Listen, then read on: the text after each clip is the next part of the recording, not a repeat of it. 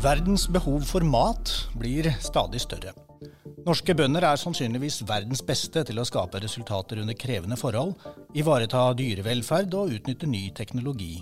Hvordan sikrer vi et økonomisk og økologisk bærekraftig landbruk i Norge? Er alle bønder innovatører, og må de være det for å overleve? Håkon Haugli samtaler med Bondelagets leder Bjørn Gimming og meg, Kjetil Svorkmo Bergman. Velkommen til Innopoden, Bjørn Gimming. Takk for det. Akkurat nå er det vinter og kaldt. Strømmen er dyr, og det er lenge til sommer og varme, da dyra kan gå ute og kornet spirer og gror. Er det godt å være bonde i Norge? Jeg syns jo at det å være bonde er noe av det mest meningsfulle man kan være. Det å produsere mat, eh, en helt nødvendig vare for alle mennesker på denne jord vi spiser gjerne Vi ønsker i hvert fall å spise minst tre ganger om dagen, i hvert fall. Det, det er et veldig meningsfullt arbeid. Og så opplever vi jo at det har, det har, en stor støtte også ute blant folk. Eh, folk skjønner at vi trenger matproduksjon, og støtten til norsk jordbruk har vel kanskje aldri vært høyere enn han er nå.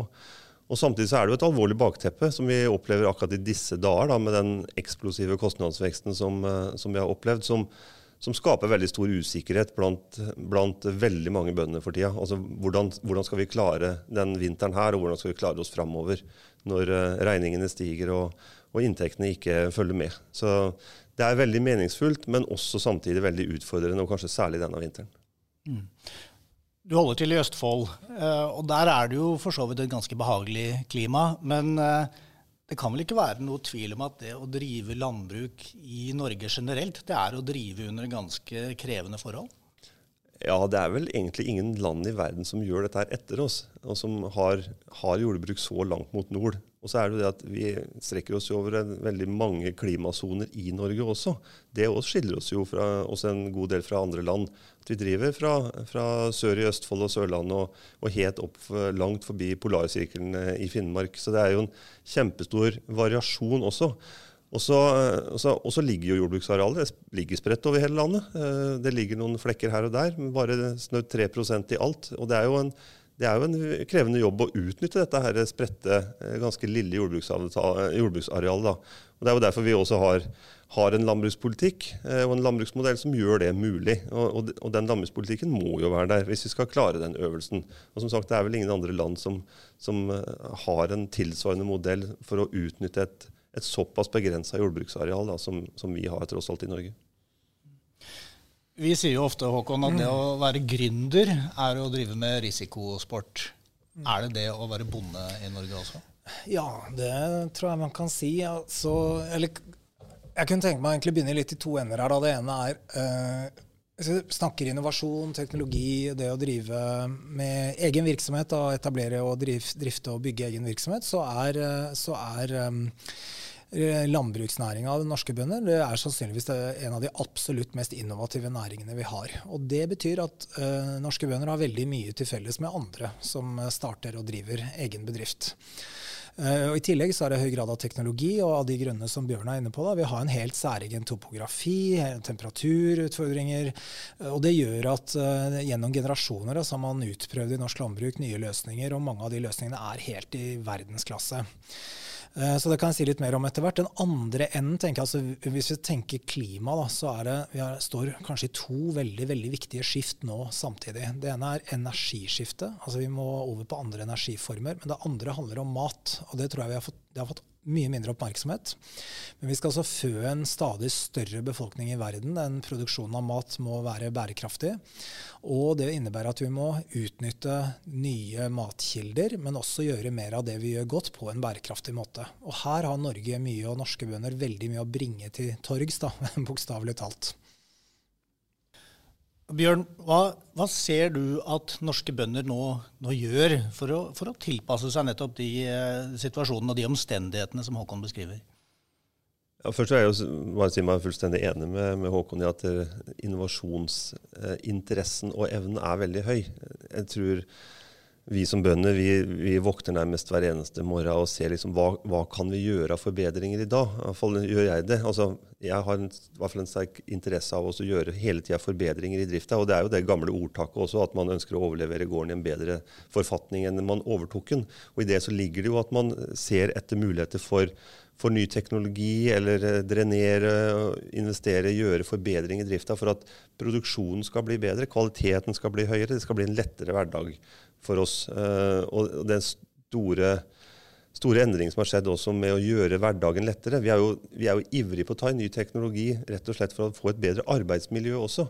Så denne her innovasjonsgraden er veldig høy. Og, og vi ser jo at, i, at altså robotisering melkeroboter, eh, presisjonsjordbruk. Det er masse som, eh, som, vi er veldig interessert i å ta i bruk for å, for å, kunne utnytte dette arealet enda bedre. I starten så tenkte vi at presisjonsjordbruk det var jo noe for de der store, store eh, viddene som de har i andre land. Men vi ser jo at i Norge, da, hvor variasjonen er veldig stor over ganske korte avstander innpå et jorde f.eks., så ligger det altså et betydelig potensial å utnytte den typen teknologi for å kunne oppveie og motvirke denne store variasjonen som er der.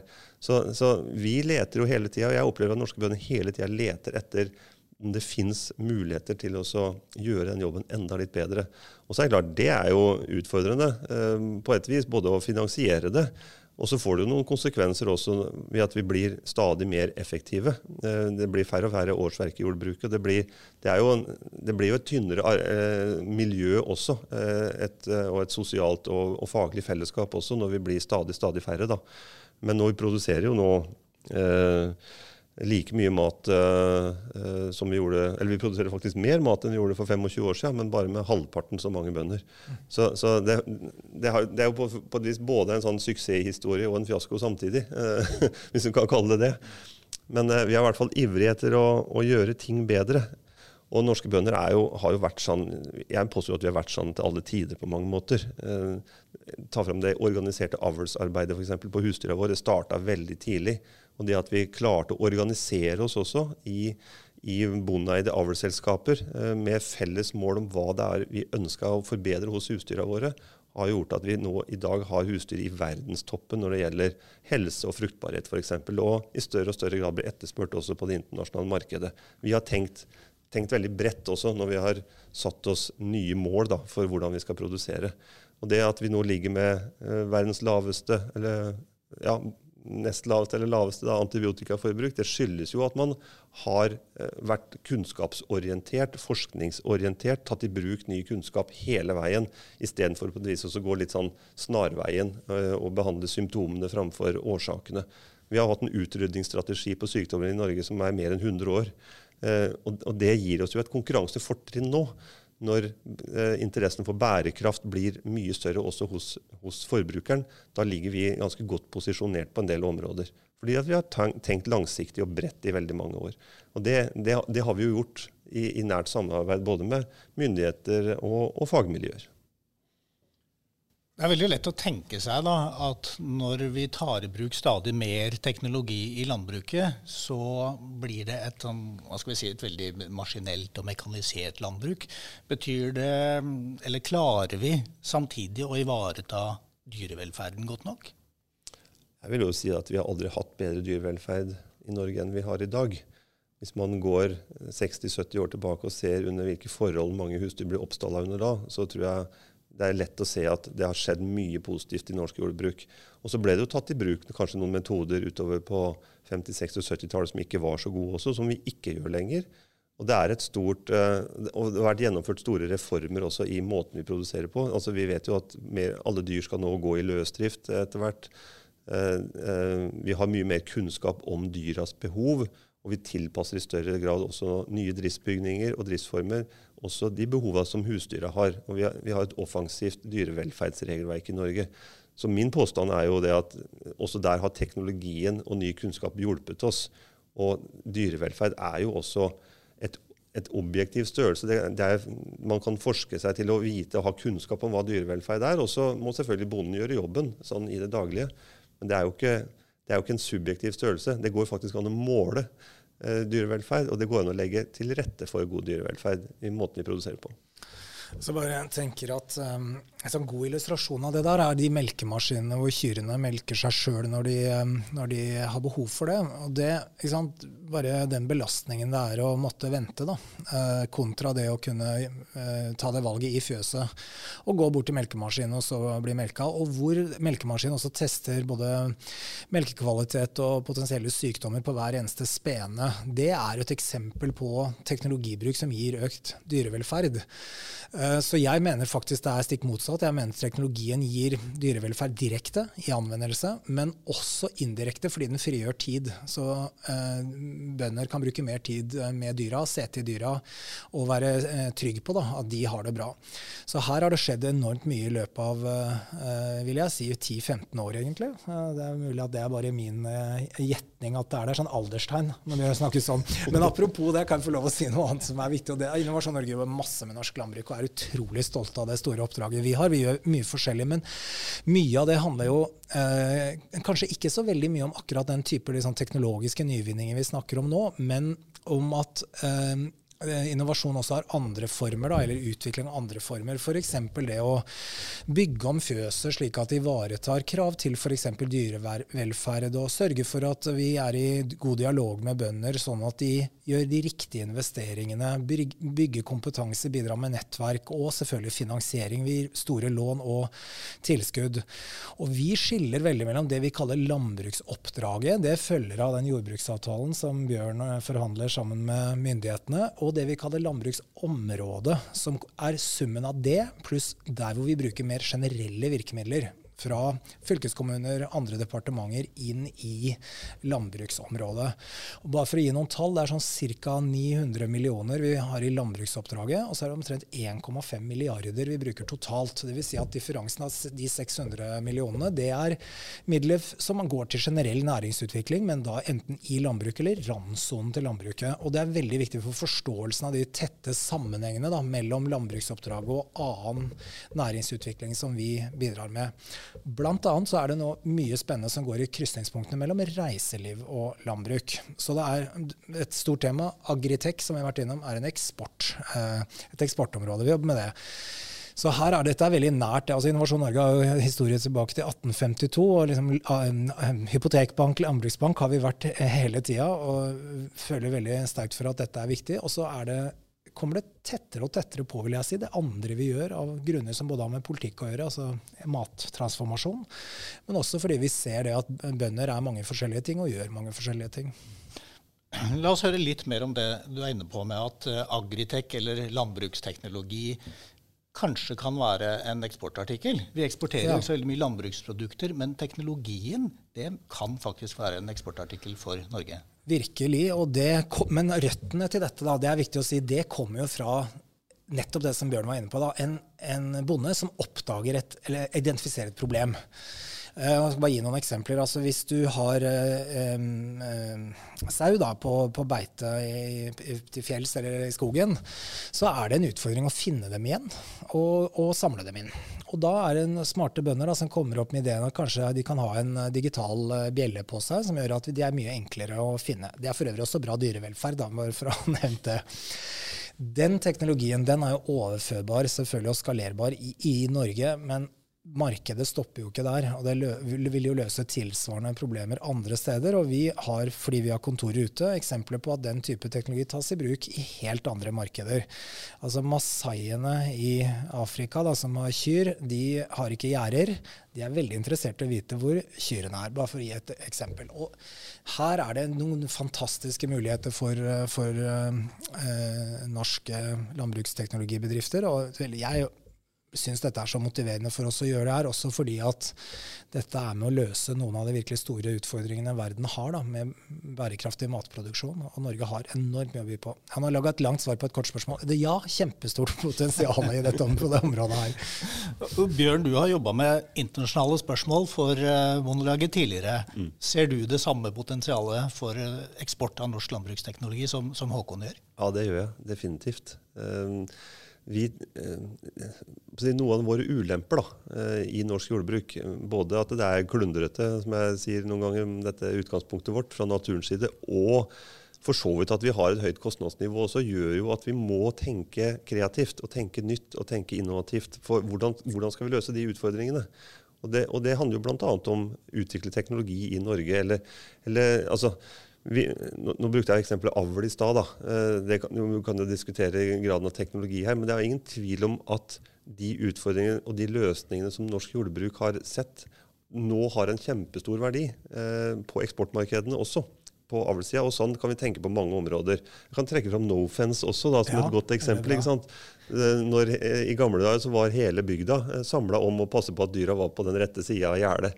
Og så er vi ikke så mange lenger i norsk landbruk. Vi er ganske få. Uh, og forståelsen for at vi skal passe på at dyra ikke bryter igjen med hjernen, den er kanskje ikke sånn som man var for 50 eller 60 eller 100 år siden. Og det at vi da får teknologi som faktisk gjør den jobben som før en mengde mennesker gjorde i utmarka, nå kan teknologien hjelpe oss med det isteden. Det viser jo at liksom, når vi får en utfordring, så, så, er det noen kloke hoder her ute som, som hele tida prøver å finne den praktiske løsningen. Og Der er det også en styrke i Norge. vil jeg si. Både at vi er godt organisert, men også at det er veldig kort vei fra på et vis problemet, for å kalle det det, eller den utfordringen vi må finne en løsning på, og videre oppover i systemet, over til forskningen f.eks. Veldig kort vei, god samhandling i, i norsk jordbruk. Uh, og, og, og, det gir oss jo en helt unik mulighet til å være kjapt på og finne løsninger også. Og jeg tror jeg, Håkon har helt rett. At de løsningene som vi kan finne ut, tross alt i et lite land som Norge, de har også stor interesse og, og verdi også i, i, andre deler av verden. Og så, kan ikke vi gjøre alt, for vi er et lite land. Eh, men på noen områder så tror jeg vi har virkelig gode muligheter til å få til noe, og, og det har en stor et stort potensial i, i, eksporten også. Det er jo litt sånn at hvis det virker her, da virker det overalt ellers. Fordi Norge er det landet det er. Så her, dette er spennende. Jeg tenker også, Nå står vi i en situasjon hvor vi diskuterer strømpriser. og så klart, Også innenfor energiområdet så er det jo ressurser i, i land- og skogbruket da, som vil være relevante i en fremtidig energimiks. Her er også et område hvor, eh, hvor, vi har potensial. Så jeg tror mye av dette handler om hvordan stokker vi beina, hvordan forstår vi behovene da, som landbruket og for skogbruket har sjøl. Hvordan lager vi verdikjeder som henger sammen hjemme, og hvordan forstår vi internasjonal etterspørsel. Og hvor er det vi av våre nisjer da, som kan bidra til å både gi inntekter for eh, bønder, men bidra også til det Norge trenger, da, også som land. Altså økte eksportinntekter og arbeidsplasser eh, i hele Norge. Så det er potensial her, og litt sånn tror jeg vi har bare sett starten. Ja, altså Altså hvis vi tar, tar eh, temaet klima, da, eh, så har jo norsk jordbruk har jo inngått en avtale med regjeringen om hvor, hvor mye norsk jordbruk skal redusere sine utslipp med fram til 2030. Vi skal delta i den, den dugnaden er og nå klimamåla. Og vi har jo satt oss for at det skal vi klare uten å redusere produksjon. Eh, kanskje tvert imot, vi skal klare å øke produksjonen. Uh, og da må vi jo begynne virkelig å tenke hvordan skal vi transformere matproduksjon uten å redusere den. Men vi, vi, fortsatt har det arealgrunnlaget som vi har der ute. Vi kommer til å fortsatt være avhengig av beitedyra for å kunne produsere mye mat i Norge. Men det er en uh, stor forventning der ute at klimaavtrykket skal bli lavere. Der òg tenker jeg at vi ligger så langt framme nå på hvordan vi kan gjøre noe med den utfordringen. Og den kommer bare til å velte ut som en bølge over hele verden i, i framtida. Så hvis vi kan være i, i førersetet på å finne noen løsninger på det, så er det klart hele verden kommer til å se også til oss på det området, tror jeg. Hvis vi har noen gode, gode løsninger på et, et, egentlig et globalt problem. For, for, matproduksjon kommer til å bli vanskeligere med et endra klima, og behovet for mat kommer til å øke fortsatt mye framover.